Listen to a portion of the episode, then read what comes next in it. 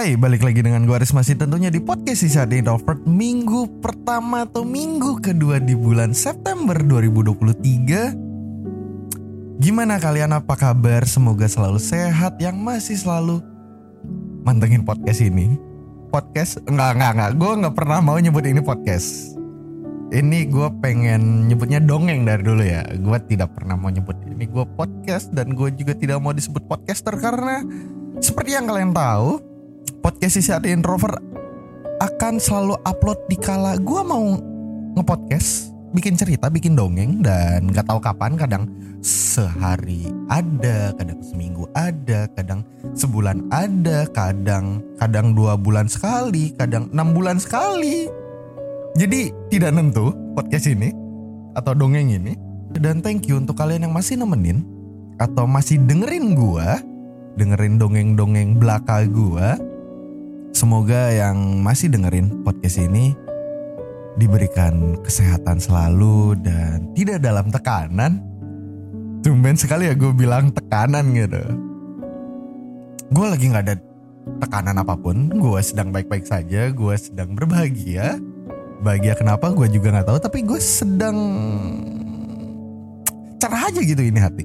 Sebenarnya gue bawain podcast ini gue nggak tahu sih mau cerita apa. Tapi gue kangen ngepodcast aja gitu. Kangen ngebacot panjang lebar 10 menit 20 menit 30 menit. Yang nggak kerasa gue ngebacot tiba-tiba udah gila 30 menit aja gitu. Dan kayaknya gue pengen bawain cerita-cerita dari orang lain. Tentunya tapi gue belum pernah ngomongin tentang kerjaan. Gue sering ngomongin tentang kehidupan cinta keluarga, apa pun itu tentang kehidupan, tapi gue tidak pernah membicarakan tentang sebuah kerjaan gitu. Dan ya untuk episode kali ini gue ingin membawakan cerita tentang sebuah pekerjaan yang di mana pekerjaan itu banyak sekali rintangannya, cobaannya, tekanannya gitu dari mulai orang yang sok baik di depan kita, muka dua, pimpinan yang gak jelas, yang kita ngelakuin sesuatu tuh selalu salah mulu padahal itu maunya dia. Jadi gue bakalan bawain cerita itu tapi dari cerita kakak gue yang pernah cerita ke nyokap gue karena gini. Kakak gue tuh tipe orang yang kalau ada apa-apa cerita ke nyokap gue apalagi dulu serumah lama banget dari mulai dia lulus sekolah sampai nikah punya anak dua pun dia masih serumah sama kita gitu. Jadi gue sering banget lah dengerin ceritanya dia karena apa? Karena jujur gue nggak punya kamar. Ya lu tahu sendiri lah kalau misalkan ada yang masih ingat.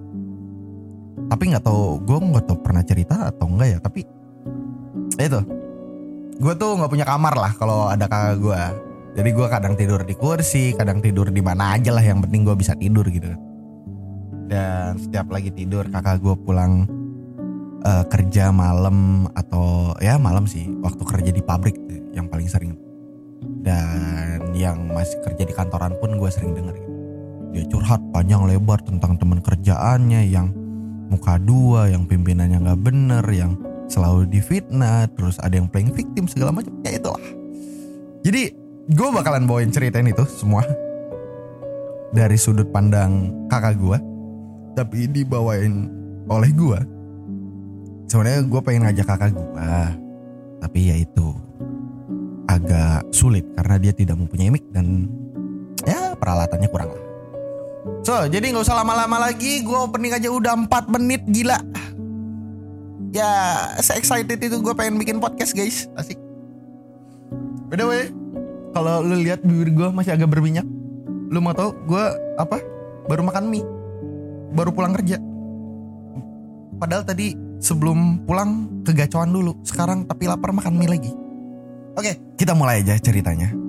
Podcast sisi ada introvert episode yang gua nggak tahu sekarang episode berapa. Udah lupa gua kayaknya episode ke 21 karena terakhir tuh uh, awal mula episode ke-20 Asik Oh jadi awal cerita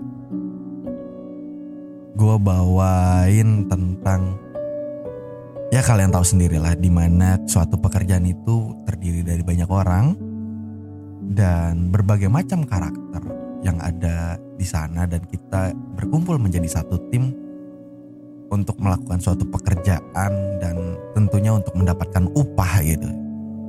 Jadi ada kalanya kita ketemu sama orang-orang yang kita tidak sukai karakternya tapi kita dipaksa untuk bekerja sama lah untuk mencapai suatu tujuan. Dan dari berbagai macam orang, karakter ini dan itu pasti ada aja orang yang kayak muka dua. Banyaklah orang yang kayak di depan kita kelihatan baik, kelihatan ramah, friendly, tapi di belakang itu nusuk. Sebenarnya untuk apa sih tujuan orang muka dua gitu? Di depan kita baik, tapi di belakang kita itu ngejatuhin. Sebenarnya ya nggak jauh dari ya dia pengen dilihat sama atasan di mana dia uh pekerjaan dia bagus ini itu kayak dipuji-puji dapat penghargaan ya itu udah gak aneh sih tapi sebenarnya ini yang mengganggu pikiran gue uh, gue adalah orang yang bekerja sendiri tanpa tim. Maksudnya di office tuh gue selalu sendirian gitu. Bukan kayak orang lain yang kayak harus bekerja sama gitu. Buat berhasil gitu. Tapi gue adalah editor jadi ya di mana mana gue kerja sendiri jadi tidak pernah merasakan hal itu. Tapi mungkin kalian sering mengalami teman kantor yang muka dua. Tapi gini loh cuy, buat kalian yang muka dua, yang baik di depan dan di belakang itu nusuk, gue tanya buat apa? Gue tanya buat apa lo kayak gitu? Buat apa lu sok baik ke kita tapi di belakang tuh apalagi ke atasan lu merendahkan orang lain. Buat apa? Lu ingin naik jabatan oke. Okay. Lu naik jabatan misalkan jadi manajer, jadi supervisor tapi dengan menjatuhkan orang lain buat apa? Gue masih bingung sih sama orang-orang yang kayak gitu. Kenapa ya? Jujur gue gak, belum pernah mengalami, tapi mungkin kalian semua pernah mengalami dan sebenarnya ingin speak up tapi susah karena ya banyaklah yang bekerja itu untuk apa? Untuk bertahan hidup. Di mana dikala dia tidak bekerja, dia tidak bisa makan. Jadi mau nggak mau ya setiap hari menghadapi orang yang seperti itu. Dan banyak juga kemarin seliweran di TikTok gua. Mental health lebih lebih penting daripada sebuah kerjaan. Oke. Okay. Mental health lebih penting dari sebuah kerjaan oke okay. bagi lu yang punya duit lu bisa cabut kerja tanpa harus memikirkan besok makan apa karena yang mungkin kalian masih ada backupan orang tua kalian kaya atau mempunyai duit jadi di saat lu tidak bekerja nggak masalah. Dan kalian masih bisa main. Coba kalian pikirin buat orang yang contohnya gue lah yang ngomong mental health lebih penting dari sebuah kerjaan yang toksik gue sebenarnya pengen ngomong eh anjing lu kalau jadi gue nih ya orang yang ngomong kayak gitu lu mentingin mental health mental health segala macem. Terus lu resign dari kerjaan lu lu nggak bisa makan. Gue aja yang kerja nih ya. Uang aja masih kurang gitu. Ya alhamdulillah untuk makan oke okay, bisa. Tapi untuk berfoya-foya kayak lulu pada mungkin yang sering ini. Yang nggak mikirin keuangan gak bisa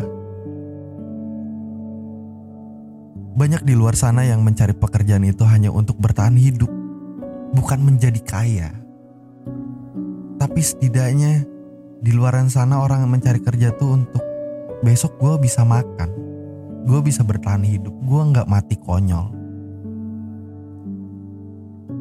Terus di dalam kerjaan itu ada orang yang sok-sokan yang kayak tadi muka dua tanpa memikirkan bahwa orang yang dia jatuhkan atau orang yang dia omongin di belakang ngejelek-jelekin di depan bos tuh dia dia bekerja hanya untuk bertahan hidup untuk sesuap nasi udah kenapa lo harus menjatuhkan orang lain untuk jabatan lu. Lu bisa kok, lu bisa naik jabatan dengan kerjaan lu bagus, hasil karya lu bagus, dan lu dilihat bos lu, lu berhasil memajukan perusahaannya, dan lu diangkat. Diangkat jabatan lu. Sesimpel itu loh. Lu mau naik jabatan sesimpel itu. Ya mungkin ada orang yang kayak kalau gue nggak ngejilat atasan bla gue susah naik kerjaan. Iya berarti skill lu hanya stuck di situ cuy. Kayak gimana ya?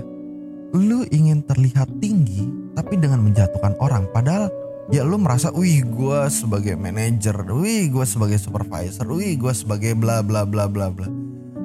Nilai gue tinggi di mata lu sendiri. Tapi lu bisa sampai titik itu lu dengan menjatuhkan orang lain. Sebenarnya yang lu rasain lu udah tinggi di value lu tinggi gitu. Menurut diri lu sebenarnya lu bukan tinggi aja.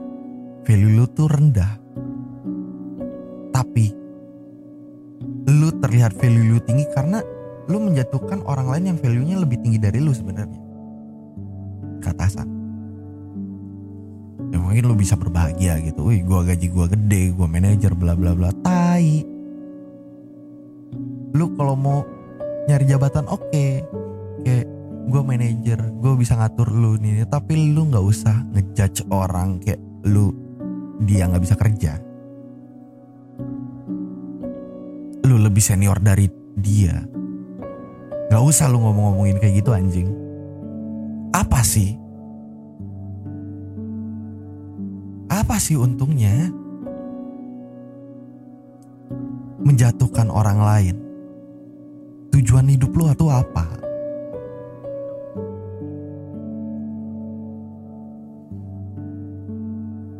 Sorry Gan, emosi Gan.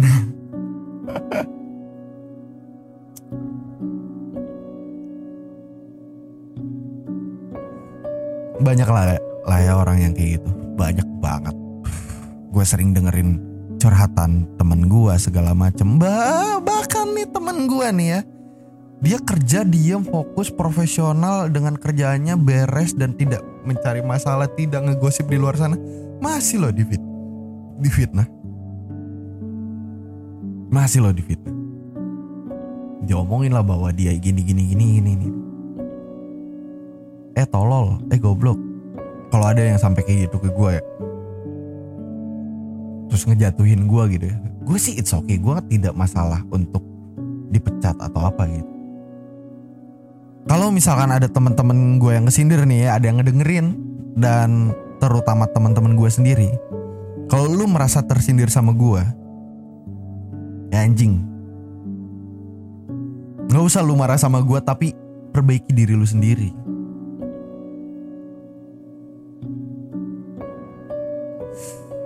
lu tersindir berarti lu memang seperti itu.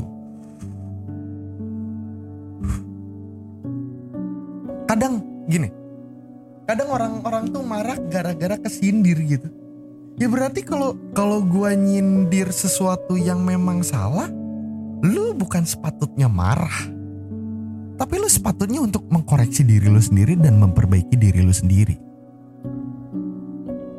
Terus ada orang yang comel comel comel tuh bocor. Kayak gue curhat misal misal gitu kakak gue pernah lah ngomong bos atasan tuh gini gini gini. Eh si anjing dilaporin ke atasan. Eh anjing kan kita tuker pikiran ya. Kayak gue sekarang pas inget cerita kakak gue yang itu gue emosi sih. Kayak anjing kita tuker pikiran ya. Eh bos kita tuh gini loh kok dia gini ki? Bos kita atau atasan kita tuh ngeganggu kerjaan kita. Kita misalkan gue sebagai kakak gue gitu gue ngomong kayak gini tuh untuk diskusi gimana ya biar bos atasan kita tuh nggak ngerecokin kerjaan kita. Bukan berarti gue itu nggak suka ke atasan gue gue suka sama atasan gue karena dia yang memberikan gue lapangan pekerjaan dan memberikan gaji tapi di saat dia ngerecokin kerjaan kita, malah jadi semuanya nggak benar. Kerjaan kita jadi nggak bener juga. Rugi juga buat atasan kita. Itu. Bukan kita ngomongin atasan kita yang jelek-jelek terus kita nggak suka ke atasan kita. Beda loh antara menyerang personality dan kerjaannya kalau misalkan gue gitu ya gedek ke orang gue nyerang apa yang nggak disuka misalkan gue nggak suka kerjaan lu ya udah yang gue serang kerjaan lu. Bukan personality lu yang tiba-tiba eh lu gendut anjing lu berisik gak usah ngomong lu nggak layak kerja di sini karena lu gendut. Karena lu jelek. Itu goblok.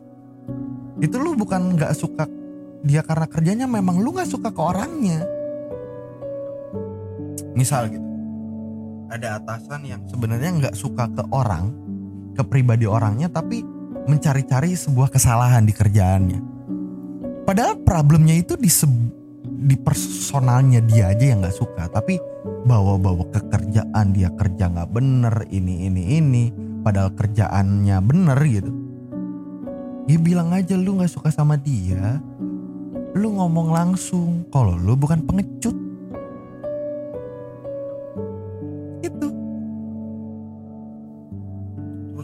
Misalkan lu ada anak baru gitu yang sebenarnya value-nya tuh lebih dari lu pengalamannya lebih banyak dari lu tapi lu sebagai manajer tidak mau tersaingi.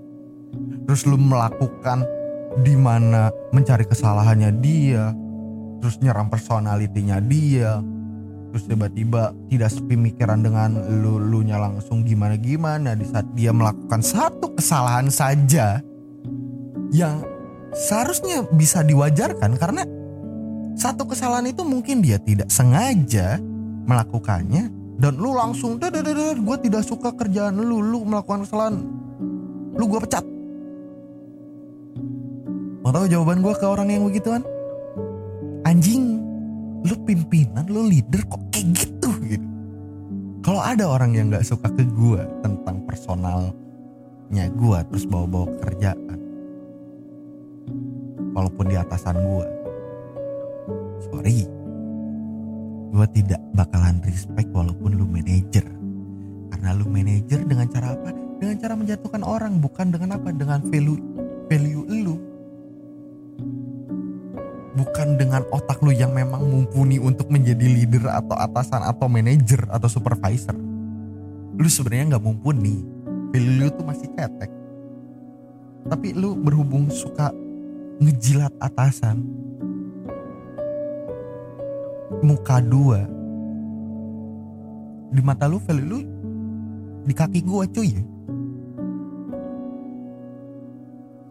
Gue malah lebih respect ke orang yang memang tidak bisa apa-apa tapi banyak nanya dan uh, mengakui bahwa dirinya salah. Gue malah lihat value dia lebih tinggi daripada manajer yang begituan atau atasan yang begituan atau supervisor yang begituan. Untuk apa lu mencari pembelaan ke orang-orang dan ngomong eh gue gini gini gini gini terus itu si A tuh kayak gini kayak gini dia nggak mau nurut sama gue terus lu nanya ke satu satu satu untuk apa? Untuk nyari pembelaan. Nah nah nah. Terus lu seneng gitu di mana orang ngebela lu? Oh iya lu bener bla bla bla lu seneng gitu oh iya bener gue melakukan hal yang benar untuk perusahaan ini. Tai kocak sih anjir orang kayak gitu anjir gak punya hati sumpah. Karena ya mungkin orang yang dia gituin gitu dia yang orang dia jatuhin dan yang orang yang dia buat jelek di mata atasan atau owner gitu itu dia sebenarnya cuman kerja untuk cari makan beres. Terus lu tiba-tiba memutus rezekinya dia karena lu memang tidak suka personalnya dia doang. Berdosa lu, Cok. Lu nggak mikirin apa dia kalau misalkan dia dipecat karena omongan lu yang sampah gitu. Terus dia nggak bisa makan, terus luntang lantung ngutang sana sini bla bla bla bla. Lu nggak kasihan apa? Lu nggak kasihan apa? Kalau gue kesian sih karena gue masih punya hati ya terus gue juga nggak demen sih sama kayak denger dengar cerita kakak gue gitu yang atasannya sok merasa bisa sok merasa tidak mau dipandang rendah oleh bawahannya. Sebenarnya gini loh cuy. Menurut gue ya, opini gue, op, opini gue, opini gue itu sebenarnya gini. Lu bakalan dapat respect di saat lu mengakui kesalahan lu apa dan lu mengakui bahwa diri lu tidak mempunyai kapabilitas di situ. Walaupun lu sebagai atasan gue. Kenapa lu harus menjadi atasan yang segala bisa di mata bawahan lu dan merasa apa ya bawahan lu tuh semuanya tidak bisa lebih dari lu gitu. Contoh, gue ngomongnya di uh, industri gue lah di industri kreatif di mana gue ya sebagai editor, sebagai videografer. Di saat memang mungkin gue punya atasan dan dia sebenarnya tidak mengerti dengan misalkan kamera, di saat gue ngasih masukan kenapa lu harus uh, nge-counter omongan gue yang padahal itu benar. Gue bilang omongan gue bener itu bukan dari perspektif gue doang. Gue pasti riset di mana gue tanyain temen gue yang lebih ngerti dari gue. Gue tanya temen gue yang lain untuk memastikan bahwa omongan gue benar. Kalau misalkan gue salah ya udah. Gue mengakui oh iya sorry gue nggak ini ya gue terlalu sok tahu gitu. Tapi di saat memang lebih berkapabilitas gue untuk mengom ngomongin hal itu dan atasan gue misal sok tahu nggak kok it, uh, misal ngomongin lensa aja uh, misalkan kenapa nggak pakai lensa 50 gitu? Oh enggak, enggak enggak lensa 50 itu jelek gitu. Lensa yang paling bagus tuh lensa misalkan lensa 18 karena bisa fish eye atau white banget gitu. Lensa 50 tuh jelek gitu. Coba kamu searching gitu di internet bla bla. Ya ya gue tahu itu salah. Karena kebagus bagus enggaknya lensa itu bukan dari angka milimeternya. Milimeternya tuh untuk sebut sesuai kebutuhan. Lensa wide lu untuk ngambil yang luas banget ini. Kayak misal ngambil foto yang foto bangunan dari luar biar kelihatan semua ngambil foto landscape pemandangan ini ya butuh lensa wide di mana biar nge-cover semuanya. Dan lensa 50 adalah kegunaannya untuk ngambil detail kecil-kecil ini yang nggak terlalu detail gitu ya. Tapi ya untuk fokus ke satu objek gitu. Yang lebih detail lagi. Tapi dia tidak mengakui bahwa enggak loh. Mungkin lo bilang jelek karena lo beli lensanya yang jelek gitu. Makanya gambarnya jadi jelek gitu. Tapi di saat dia tidak mengakui kesalahannya dan tetap menganggap gue salah, gue tidak respect. Di saat gue tidak respect, gue tidak akan menganggap lu sebagai atasan gue dan orang itu, tapi menganggap orang yang bodoh udah, bodoh yang sok tahu. Kasarnya gini, ada orang yang sok tahu misalkan tentang film, bla bla bla bla, misalkan ini filmnya itu gini gini, padahal dia belum nonton, dia bilang jelek lah ini. Atau ya ada lah ya kan orang yang sok tahu di kalau ngomongin film. Bahwa oh sini tuh gini. Kita yang tahu tuh karena udah tahu orang ini bodoh jadi buat apa kita nge-counter argumennya yang memang tidak akan didengar oleh dia? Jadi ya udah bego banget ih sok tahu ya. Jadi gue kayak gitu aja gitu sekarang kalau misalnya ada orang yang sok tahu gitu orangnya dan tidak mau mengakui bahwa dia salah gue sih sekarang ketawa-ketawa aja. Kayak lucu aja gitu. Menjadi terlihat bodoh di depan orang bodoh itu wah itu suatu kenikmatan yang tidak bisa dikatakan. Tidak bisa diungkapkan dengan kata-kata tipe karakter orang di kantor-kantor tuh ada juga yang katanya masuk lewat orang dalam gitu. Orang-orang pada ngedumel tuh. Kalau ada ya lu masuk bisa masuk gara-gara orang dalam gitu. Jadi biar bisa masuk dengan mudahnya terus bisa berkarir dengan mudahnya di sini gitu. Kadang gue pengen ketawa sih. Ya mungkin ada kecemburuan lah orang lain di mana. Orang lain melakukan interview tes ini ini itu uh, terus ada orang yang orang dalam orang luar yang masuk lewat orang dalam kuculuk kuculuk kuculuk kuculuk kerja aja tanpa melalui proses yang keras itu. Di mana yang bikin kecemburuannya itu yang bikin gua ketawanya tuh gini sih. di saat pegawai biasa yang mempunyai kapabilitas untuk mengerjakan hal tersebut melakukan sebuah satu kesalahan bakalan diomelinnya tuh benar-benar diomelin. Tapi orang yang masuk lewat orang dalam walaupun dia melakukan kesalahan dia bakalan kayak disayang-sayang. Kayak oh iya nggak apa-apa. Kan namanya juga proses belajar. Tai. Tai anjing. Terus ada komenan juga kan di TikTok kemarin kan seluruhan. Kadang ya gimana ya orang dalam itu eh kadang yang kerjanya lama malahan yang masuknya interview ya biasa kayak gitu dia keluar masuk kerja ini ini nih ya gimana? Nggak keluar masuk. Orang yang beneran berproses dari kirim CV interview ya karena dia sekali kesalahan kecil langsung disalahin abis-abisan gimana dia tahan terus melihat dengan orang yang masuk lewat orang dalam walaupun dia melakukan kesalahan yang lumayan agak fatal tapi masih masih kayak di ya udah nggak apa-apa. Wajar kok kesalahan ya gimana orang nggak cemburu? Ya gimana orang dalam nggak bertahan lama karena dia selalu disayang-sayang? Di saat dia melakukan kesalahan nggak dimarahin gue persetan ini podcast ntar misalkan nyampe ke temen gue ini nih terus dia merasa tersindir persetan terus marah ke gue masa bodoh? Di saat ada orang yang tersindir dan marah gara-gara kesindir itu orang goblok.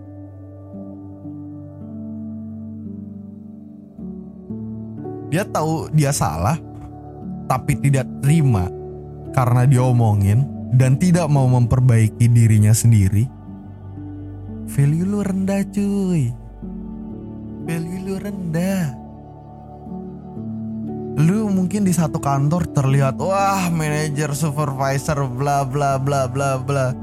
Lu keluar keluar kerja cari ke tempat kerjaan lain yang bukan karena kenalan lu atau memang lu nggak memang bos lu bukan tipe orang yang dijilat mati lu diinjek-injek lu sama orang lain mungkin kata-kata gue menyakitkan. Tapi itu fakta. Lu mau mencari pembelaan segala macam dan ini dan lu tahu orang-orang apaan? Yang lu curhatin atau yang lu cari pembelaan? Kalau orang yang normal eh nyari pembelaan. Ngapain lu chat ke gue kayak gini buat nyari pembelaan? Ya gue balas baik-baik aja biar nggak ngerusak hubungan pertemanan.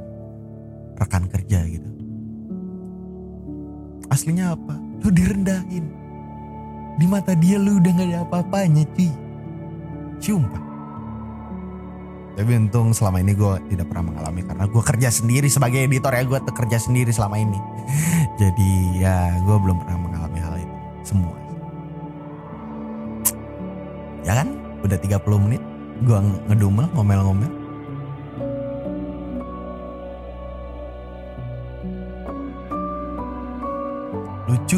lucu ada aja orang di dunia ini yang begini